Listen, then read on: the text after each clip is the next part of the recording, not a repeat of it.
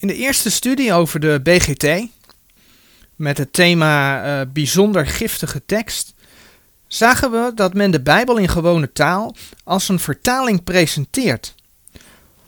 Maar dat het eigenlijk niet meer is dan een parafrase, waardoor allerlei eigen uitleggingen in de vertaling terechtkomen. Zo zagen we hoe men te raden gaat bij de Alexandrijnse filosofie en de Joodse tradities en daardoor het woord grotendeels uit de vertaling heeft weggehaald. Ook zagen we door schrift met schrift te vergelijken dat de redenen die men daarvoor denkt te hebben lijnrecht ingaan tegen Gods woord. Men is eigenlijk meer met een cursus filosofie bezig dan dat men bezig is met schriftuitleg. En zo is de BGT opnieuw een stap verder in het proces om mensen het woord van God afhandig te maken. Zo kwamen we dan ook tot de passender naam voor de BGT, bijzonder giftige tekst. Vandaag willen we nog eenmaal bij deze uitgave stilstaan. Maar allereerst wil ik u een stukje tekst voorlezen. En dat stukje tekst dat luidt als volgt. Want God redt iedereen die gelooft in Jezus Christus. God maakt geen verschil tussen Joden en niet-Joden. Want alle mensen doen verkeerde dingen. Daardoor leeft niemand dicht bij God. Maar God wil de mensen redden, zomaar voor niets. Hij vergeeft de zonde van iedereen die gelooft in Jezus Christus. Zo goed wil God voor ons zijn. Tegelijk wil God dat de schuld van de mensen weer goed gemaakt wordt. Hij heeft daarom zelf gezorgd voor een geschenk waarmee dat kan gebeuren. Dat geschenk is Jezus Christus. Dankzij zijn dood worden de mensen die in hem geloven gered. Tot zover het stukje tekst. Dat klinkt mooi hè? Mag ik eerlijk zijn? Als dit een brief door mijn dochter geschreven zou zijn om iemand over de Here te vertellen, dan zou ik trots op haar zijn. Maar dan de volgende vraag: Is dit stukje tekst ook Gods woord?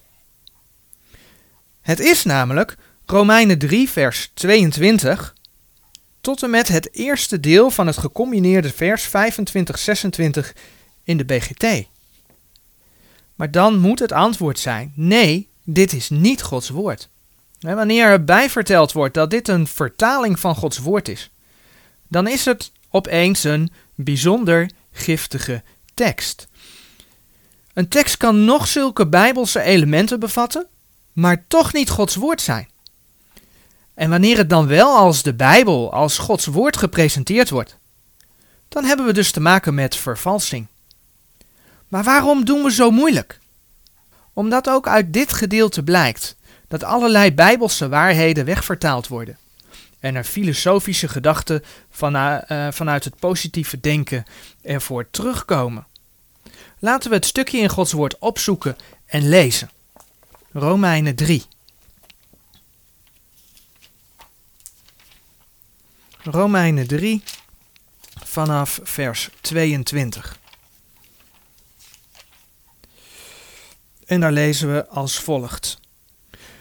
Namelijk de rechtvaardigheid Gods door het geloof van Jezus Christus tot alle en over alle die geloven, want er is geen onderscheid.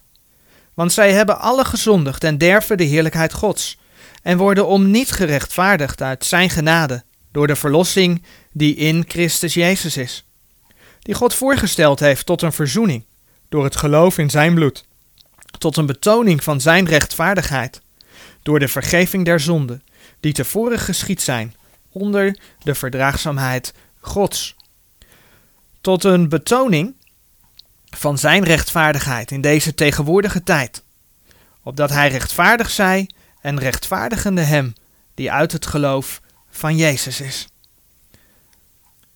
Daar waar de BGT spreekt over redding door het geloof in Jezus Christus, daar zien we dat Gods woord een dieper element aanraakt.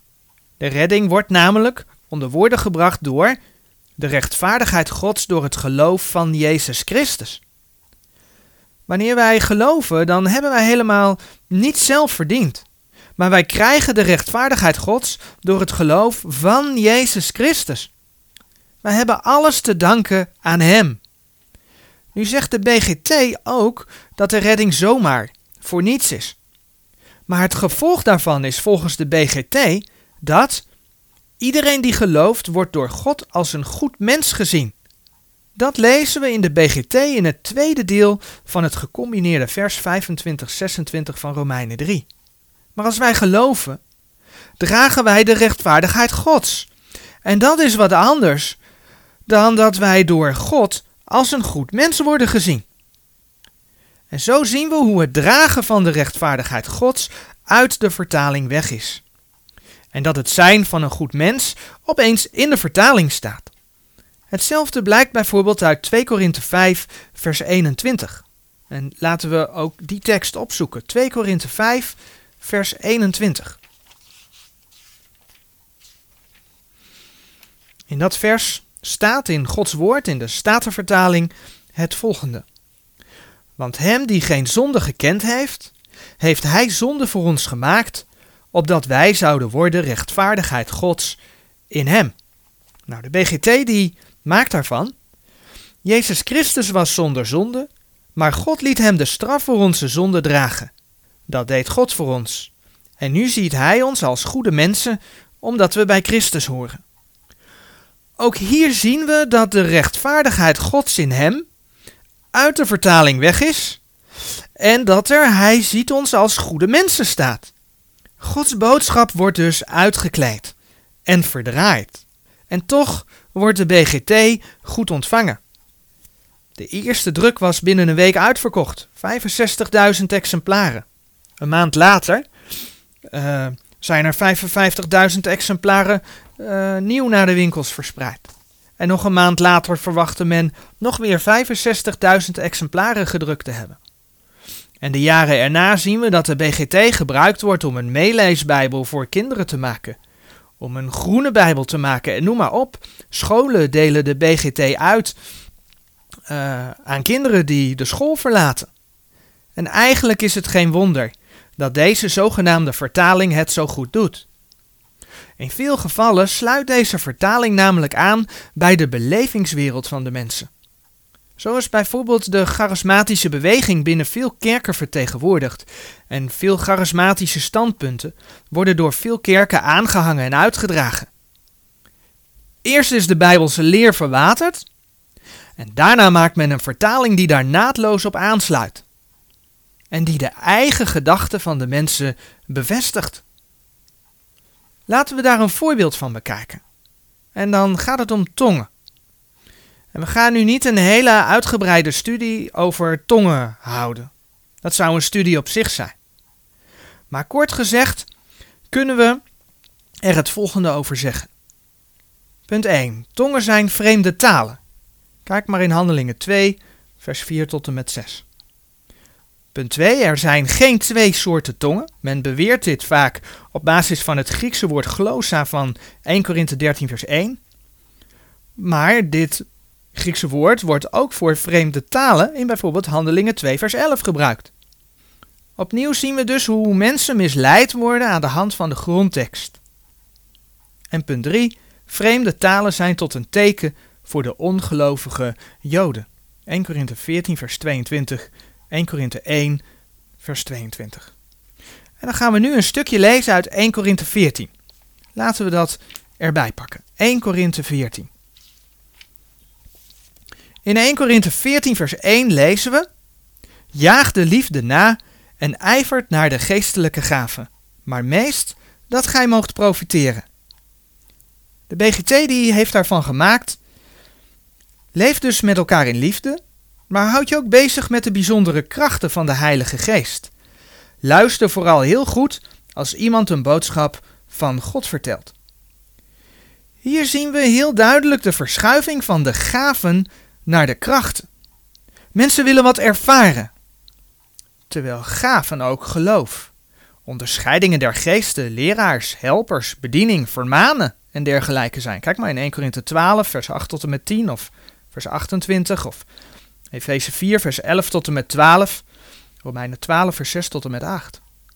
Laten we even een uitstapje maken naar 1 Samuel 19, vers 20. 1 Samuel 19 en dan het twintigste vers. Daar lezen we: Toen zond Saul boden heen om David te halen. Die zagen een vergadering van profeten, profiterende En Samuel staande over hen gesteld, en de geest Gods was over Sals bode. En die profeteerden ook. En de BGT maakt van dit vers het volgende. Hij stuurde dienaren om David gevangen te nemen, maar toen ze daar kwamen, zagen ze de profeten dansen en schreeuwen. De profeten hadden de geest van God in zich, en Samuel had de leiding over hen. Op dat moment kregen ook Sals dienaren de geest van God in zich, en ook zij begonnen te dansen en te schreeuwen. Profiteren is volgens de BGT, zoals we direct zullen zien, aan de ene kant een boodschap van God vertellen. Maar aan de andere kant wordt het dus gelijkgesteld aan dansen en schreeuwen. Opnieuw zien we hier hoe de ervaring van mensen uit bepaalde hoeken van de charismatische beweging leidend is geweest voor de vertaling die men gemaakt heeft. Men stuurt aan op ervaringen die in het extreme doorgetrokken worden. Ervaringen die we ook kennen van mensen die occult belast zijn.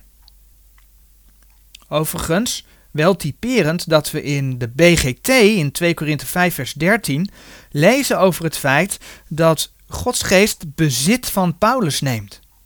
Dit is heel wat anders dan Gods woord zegt met Efeze 1 vers 13, dat mensen verzegeld worden met zijn geest. Of Efeze 5 vers 18, vervuld zijn met zijn geest.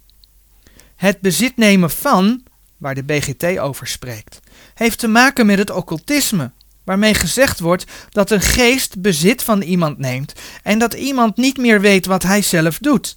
Hij is bezeten. En daar vinden we voorbeelden van in Gods woord. Lucas 8, vers 27 bijvoorbeeld. Daar staat geschreven: En toen hij aan het land uitgegaan was, ontmoette hem een zeker man uit de stad, die sedert lange tijd met duivelen was bezeten geweest. En hij was met geen klederen gekleed, en bleef in geen huis, maar in de graven. En Marcus 5, vers 5 vertelt nog over hem. En hij was altijd nacht en dag op de bergen en in de graven, roepende en slaande zichzelf met stenen. Toen de Heer Jezus hem bevrijd had, lezen we dat de mensen zagen dat hij wel bij zijn verstand was. Marcus 5, vers 15. Met andere woorden, deze man had zichzelf niet onder controle. Gods woord laat echter over de profeten zien dat hun eigen geesten aan hen onderworpen behoren te zijn. 1 Korinthe 14, vers 32. Oftewel, de profeten zijn nuchter en weten heel goed waar ze het over hebben. En waar ze mee bezig zijn. Overigens, de waarschuwing tegen mensen die niet nuchter zijn, is ook uit de BGT weggehaald. En daarmee gaat de BGT verder dan de NBV. Want in 1 Korinthe 14 vers 32 lezen we in de BGT niets over dat de geesten van de profeten hen onderworpen moeten zijn. Maar, en laten we even 1 Korinthe 14 vers 32 erbij pakken. Want dan is goed te volgen wat de BGT ervan gemaakt heeft. 1 Korinthe 14 vers 32 en dan lees ik het voor uh, uit de BGT. Mensen die Gods boodschap vertellen, moeten dat doen in woorden die iedereen kan begrijpen. Dan kan iedereen meepraten over de betekenis van de boodschap en zo kan iedereen ervan leren en nieuwe moed krijgen. Hier staat totaal iets anders. Hieruit blijkt dat we niet te veel hebben gezegd dat de BGT geen vertaling is, maar een parafrase. En dus de gedachte van de vertaler weergeeft, in plaats van Gods woord. Kortom, de Heere God neemt dus geen mensen in bezit. De duivel daarentegen wel. Zien we wat er met de tekst van de BGT is gebeurd. Hier zien we hoe het evangelie in feite vermengd wordt met occultisme. Maar nu weer terug naar 1 Korinthe 14. Daar lezen we in vers 2 en 3 het volgende. 1 Korinthe 14 vers 2 en 3. Want die een vreemde taal spreekt, spreekt niet voor de mensen, maar voor God, want niemand verstaat het. Doch met de geest spreekt hij verborgenheden. Maar die profeteert spreekt de mensen stichting en vermaning en vertroosting. De BGT die maakt hiervan het volgende. Als de Heilige Geest je in vreemde klanken laat spreken, spreek je tegen God en niet tegen mensen. Want dan spreek je wel over Gods wijze plannen, maar niemand kan je verstaan. Je hebt er dus alleen zelf iets aan. Maar als de Heilige Geest je een boodschap van God laat vertellen, kan iedereen je verstaan. Daarmee help je de anderen. Je geeft hun raad en je spreekt hun moed in. Tot zover de BGT. Buiten het feit dat we hier zien dat vermaning volgens de BGT schijnbaar niet van de Heilige Geest is, want dat is weggelaten, zien we dat de BGT hier uitgaat van twee soorten tongen. Aan de ene kant zijn er de vreemde talen. Zie bijvoorbeeld Handelingen 2, vers 4 in de BGT. Maar hier spreekt men over vreemde klanken. En hier wordt dan de huidige praktijk van de zogenaamde tongentaal mee goed gepraat. Overigens, dit zagen we in de NBV ook al gebeuren met het woord klanktaal. En dat terwijl hier zelfs de context duidelijk maakt dat het om gewone talen gaat. In 1 Korinthe 14, vers 10 tot en met 11 lezen we namelijk hè, in Gods woord: Er zijn naar het voorvalt zo, zoveel soorten van stemmen in de wereld, en geen ervan is zonder stem. Indien ik dan de kracht der stem niet weet, zo zal ik voor hem die spreekt vreemd zijn, en hij die spreekt zal bij mij vreemd zijn. Hier gaat het heel duidelijk over de verschillende talen in de wereld, die gesproken worden door stemmen. En dat als je die niet kunt verstaan, dat de taal en de persoon die de taal spreekt dan vreemd zijn. Dit is zelfs zo duidelijk dat zelfs de BGT in deze verse naar gewone talen verwijst. De BGT zegt hier namelijk: er worden op de wereld ontelbaar veel talen gesproken. Overal spreken mensen hun eigen taal. Maar als ik de taal van een ander niet ken, zullen we elkaar niet verstaan. Dan blijven we vreemdelingen voor elkaar. Dus ook hier zegt de BGT dat het om gewone talen gaat. Dan legt 1 Korinthe 14 vers 12 uit dat het de bedoeling is dat de gemeente gesticht, opgebouwd wordt. En dan zegt 1 Korinthe 14 vers 13, daarom die in een vreemde taal spreekt, die bidden dat hij het mogen uitleggen. Maar hier springt de BGT weer over op vreemde klanken. Want de BGT zegt in dit vers: Stel dat je in vreemde klanken spreekt. Dan moet je aan God vragen of hij iemand laat uitleggen wat die klanken betekenen. De BGT is dus zeker niet consistent. In vers 21 wordt een profetie uit het Oude Testament aangehaald, een profetie over andere talen. Nu gaat het in deze profetie niet zozeer om het begrijpen van woorden, want het gaat eerder om het strafgericht van de Heere God over het Joodse volk, omdat ze niet naar hem luisteren. En dan is het dus uh, een aanhaling van Deuteronomium 28, vers 45 en 46. We lezen in 1 Korinthe 14, vers uh, eh, 21 het volgende. In de wet is geschreven: Ik zal door lieden van andere talen en door andere lippen tot dit volk spreken. En ook al zo zullen zij mij niet horen, zegt de Heere. En de BGT die maakt daarvan: Luister, in de heilige boeken zegt God: Ik zal spreken tegen mijn volk in een vreemde taal, een taal die niemand verstaat. Maar ook dan zullen de mensen niet naar mij luisteren. Nu wordt hier vreemde taal in 1 Korinthe 14 vers 21 van de BGT bestempeld als een taal die niemand verstaat. Dus vreemde taal is hier gelijk aan vreemde klanken, al dus de BGT.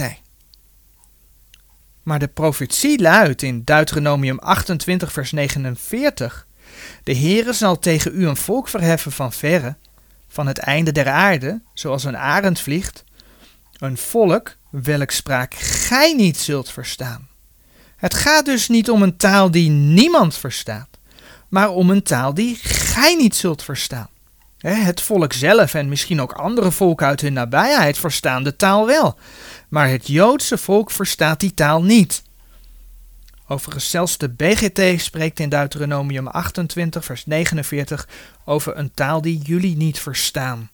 Met andere woorden, 1 Korinthe 14, vers 21 wordt in de BGT moedwillig aangepast om de leer van de brabbeltaal, de leer van de vreemde klanken te kunnen leren.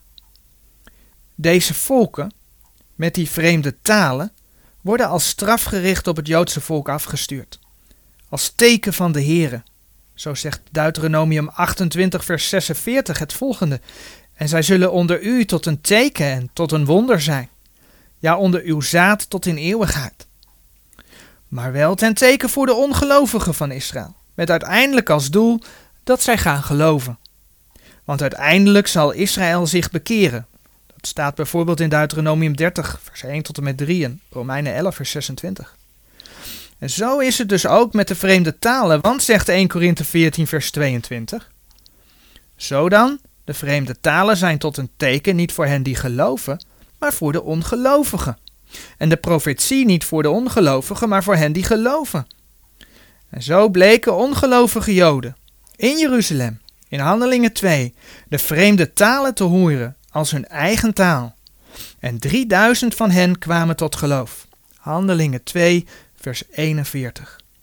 En daarom klopt het niet wat er in de BGT in dit vers staat. Ja, in 1 Korinthe 14, vers 22.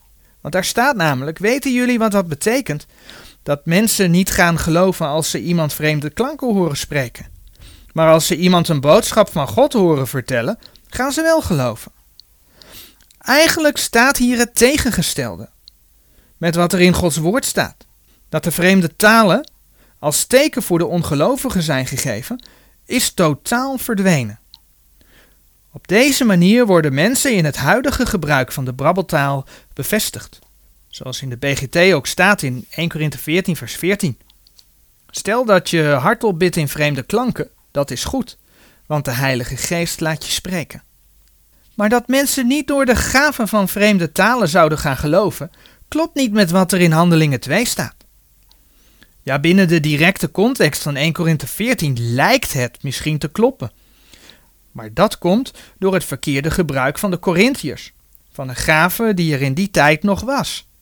Zij spraken vreemde talen, zonder dat anderen het verstonden, waardoor ongeleerden, hè, mensen die geen talen kennen, opnieuw een bewijs dat het om gewone vreemde talen gaat, en ongelovigen zouden denken dat men uitzinnig, dat men gek was. Hè, 1 Korinthe 14 vers 23. Maar werd de gave gebruikt zoals deze bedoeld was, dan zou ook deze gave tot stichting zijn geweest. 1 Korinthe 14 vers 26 en 27.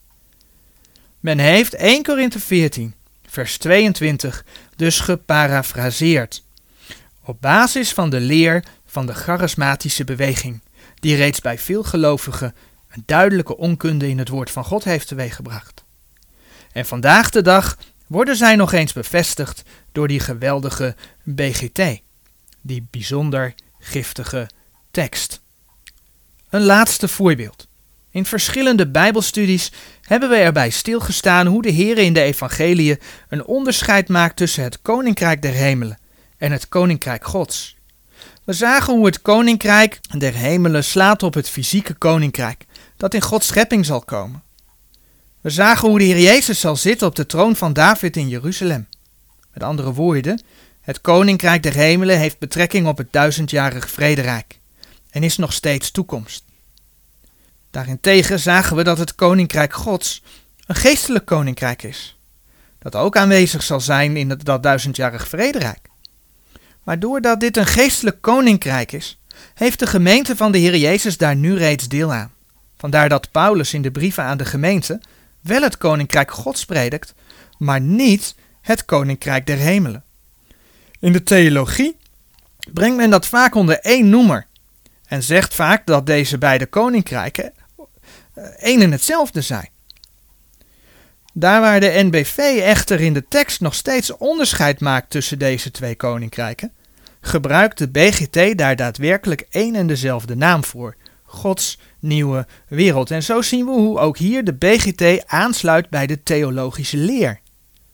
In Matthäus 3, vers 2, laten we dat opzoeken, staat het volgende geschreven.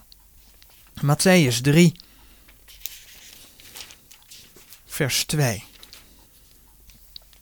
En zeggende, bekeert u, want het koninkrijk der hemelen is nabijgekomen.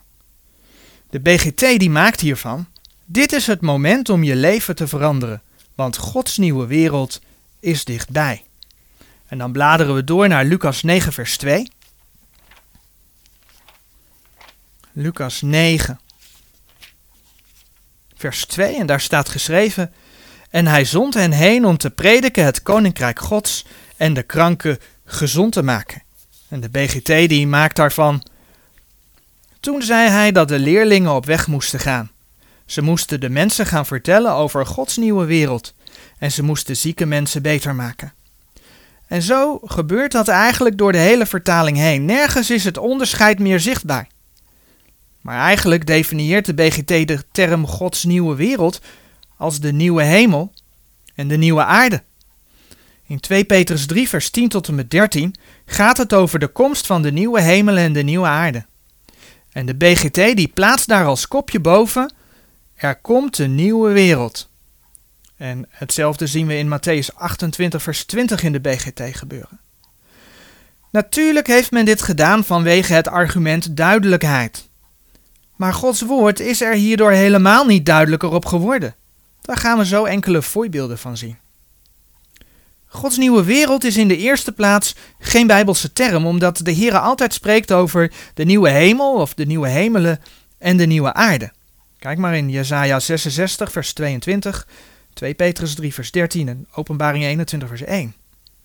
En wereld slaat toch meer op de aarde dan op de hemelen. Overigens, de term nieuwe wereld ligt wel erg dichtbij de nieuwe wereldorde, die in de jongere Bijbel bijvoorbeeld al een keer letterlijk genoemd wordt, notabene. De nieuwe wereldorde is de orde waar onze leiders steeds vaker over spreken en wat het doel van bijvoorbeeld de Illuminaten en de vrijmetselarij is. Waarvan wij echter weten dat dat het antichristelijke rijk zal zijn. Maar laten we eens kijken wat de gevolgen zijn van het vervangen van de verschillende koninkrijken door één term, Gods nieuwe wereld. In Handelingen 1 vers 3, laten we dat ook weer opzoeken. In Handelingen 1 vers 3, daar staat het volgende geschreven. Handelingen 1 vers 3. Aan wie hij ook, nadat hij geleden had, zichzelf levend vertoond heeft met vele gewisse kentekenen, veertig dagen lang, zijnde van hen gezien en sprekende van de dingen die het koninkrijk Gods aangaan. De BGT die heeft hiervan gemaakt. De apostelen hebben gezien dat Jezus na zijn dood weer leefde. Hij heeft hun dat op allerlei manieren bewezen, veertig dagen lang. Hij kwam vaak bij hen en dan sprak hij met hen over Gods nieuwe wereld. Nu staat hier in de BGT dat de Heer Jezus 40 dagen met de apostelen sprak over Gods nieuwe wereld. Dat zou betekenen dat de Heer Jezus met de discipelen over de nieuwe hemel en de nieuwe aarde sprak, terwijl daarvoor reeds zijn koninkrijk op aarde aanbreekt, het duizendjarig vrederijk van Openbaring 20. Maar zou de Heer Jezus dan niet met de discipelen gesproken hebben over het begin van de gemeente? Die zou komen naar zijn hemelvaart. Of over wat daarvoor en daarna zou gebeuren. Immers het koninkrijk God, zoals in de Statenvertaling en de King James 1611 staat, is dat geestelijke koninkrijk. Waar de gemeente van Jezus Christus reeds deel van is. Romeinen 14 vers 17 en 1 Korinthe 4 vers 20. De mogelijkheid dat de Heer Jezus dus met de discipelen over de periode van zijn afwezigheid op aarde sprak, wordt door de BGT dus weggenomen. Maar het feit is dat hij daarover met hen wel gesproken heeft. In Handelingen 1 vers 8 vertelt de Heer Jezus uh, de apostelen dat zij de Heilige Geest zullen ontvangen en hoe het evangelie over de hele aarde verspreid zal worden. In Lucas 24, vers 47 tot en met 49 vertelt de Heer Jezus de apostelen over de verkondiging van het evangelie aan alle volken. En over het feit dat de discipelen na zijn hemelvaart in Jeruzalem moesten wachten totdat zij de Heilige Geest ontvangen zouden. Zomaar enkele voorbeelden dat hij met hen sprak over het begin van de gemeenteperiode. Hier zien we dus dat de Statenvertaling juist is en dat de BGT Gods woord niet meer juist weergeeft.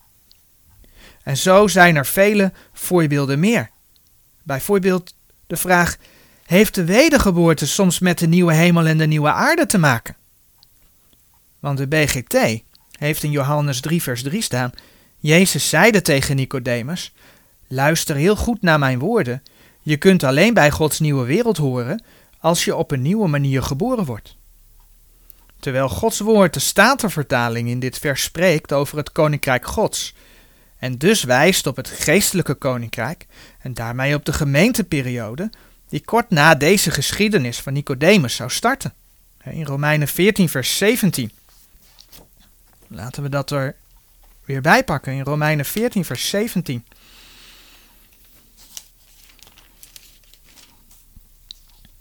Daar staat geschreven: Want het koninkrijk Gods is niet spijs en drank, maar rechtvaardigheid en vrede en blijdschap door de Heilige Geest. Dit verwijst tevens naar het geestelijke koninkrijk en dat dit het koninkrijk Gods is. Maar de BGT maakt ervan: waar gaat het om in Gods nieuwe wereld? Niet om wat je eet of drinkt.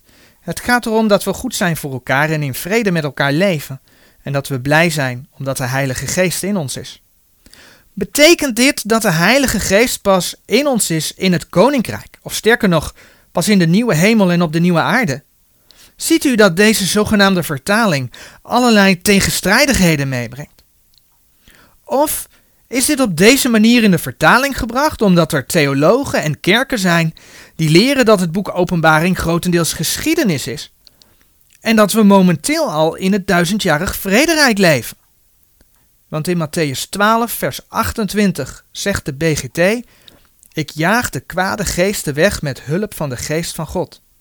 Daaraan kunnen jullie zien dat Gods nieuwe wereld gekomen is. En in Lucas 9, vers 27 zegt de BGT: Luister goed naar mijn woorden, sommigen van jullie zullen nog tijdens hun leven Gods nieuwe wereld zien. Deze teksten zijn te begrijpen als je bedenkt dat het over het geestelijke koninkrijk Gods gaat. Dat in de Heer Jezus naar de aarde is gekomen en in de gemeente op aarde is gebleven. En zo staat het dan ook in de Statenvertaling. Maar in de BGT wordt een theologische leer bevestigd dat wij reeds in het koninkrijk leven en dat moeten helpen verbreiden. De Bijbel leert dat het koninkrijk van de Heer Jezus komt zonder toedoen van mensen. Er komt een steen zonder handen afgehouden, die de koninkrijken der aarde zal vermalen, zoals ook Daniel dat al profiteerde, Daniel 2, vers 44 en 45. Daar komt geen mensenhulp aan te pas. Maar wat schetst onze verbazing wanneer we de weergave van 2 Petrus 3, vers 12 over de nieuwe hemel en de nieuwe aarde in de BGT zien? Laten we het eerst in Gods woord lezen. 2 Petrus 3, vers 12 verwachtende en haastende tot de toekomst van de dag Gods, in welke de hemelen door vuur ontstoken zijnde zullen vergaan en de elementen brandende zullen versmelten. In de BGT lezen we onder andere: Verlang naar de dag dat God zal komen. Help mee om die dag sneller te laten komen. Je ziet de tegenstelling met wat Daniel 2 zegt. In de BGT wordt duidelijk een andere evangelie gebracht. Iets waartegen het woord van God ons waarschuwt. In Galaten 1 vers 6, en laten we ook dat erbij pakken. Galaten 1 vers 6 en 7, daar lezen we. Ik verwonder mij dat gij zo haastig afwijkende van hem, die u in de genade van Christus geroepen heeft, overgebracht wordt tot een ander evangelie. Daar er geen ander is, maar er zijn sommigen die u beroeren en het evangelie van Christus willen verdraaien.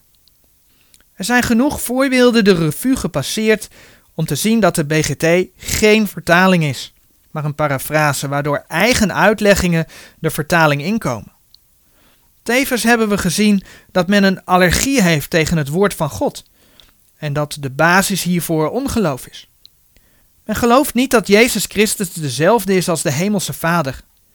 Men gaat te raden bij filosofie om Gods woord te verduidelijken en komt uit bij de wereld. Tevens hebben we gezien dat de BGT brede ingang heeft gevonden. Want de BGT bevestigt leerstellingen die mensen al lang geloven, ondanks dat ze haak staan op het woord van God. Maar doordat we nu de BGT hebben, staan die leringen opeens zogenaamd niet meer haaks op dat woord van God. En zo hebben we gezien dat de boodschap veranderd is. Men heeft er een ander evangelie van gemaakt dat er niet is volgens Gods woord. Het is dus een evangelie met eigen uitleggingen, die zelfs de wereld van het occulte vermengt met Gods woord en mensen reeds ontvankelijk wil maken voor de komende nieuwe wereldorde. Galaten 1 vers 8 zegt verder nog, Doch al ware het ook dat wij of een engel uit de hemel u een evangelie verkondigde, buiten hetgeen wij u verkondigd hebben, die zij vervloekt. Dat zijn niet mijn eigen woorden. Dit zijn Gods woorden. We mogen opnieuw gewaarschuwd zijn. Ik wil afsluiten met een vraag, een opmerking die ik van iemand kreeg. En dat was: wat hebben ze toch met die Bijbel die ze steeds willen wijzigen, maar in feite niet willen kennen? De vorige keer, deel 1, hebben we erbij stilgestaan dat het woord ons geestelijke voedsel is. Ons geestelijk brood. Waardoor we levend geworden zijn voor God en groeien in het geloof. Zoals de Heere het vlees geworden woord is, heeft Hij ons zijn geschreven woord gegeven. Opdat mensen eeuwig leven. Johannes 1 vers 1 en vers 14. Johannes 5 vers 24. Johannes 20 vers 31. De Heer Jezus zei van zichzelf, ik ben het brood des levens. Johannes 6 vers 48. Maar ook zei hij, Johannes 6 vers 35, ik ben het brood des levens, die tot mij komt, zal geen zins hongeren. En die in mij gelooft, zal nimmer meer dorsten. Als de wereld niet tot de Here komt omdat zij het ware woord verworpen hebben, zullen ze blijven hongeren en dus blijven zoeken en dus opnieuw blijven vertalen. Omdat wij de waarheid van zijn woord ontdekt hebben, hebben we geen honger meer. Wij hoeven niets anders meer, want we hebben het brood ontdekt dat ons voedt en sterkt. Het brood dat waarheid is. Johannes 17, vers 17.